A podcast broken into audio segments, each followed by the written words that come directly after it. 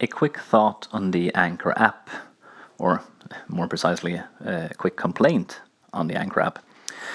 Uh, I do think scrolling through a busy conversation is quite tedious since uh, the Anchor app has uh, hijacked the default scrolling behavior in iOS.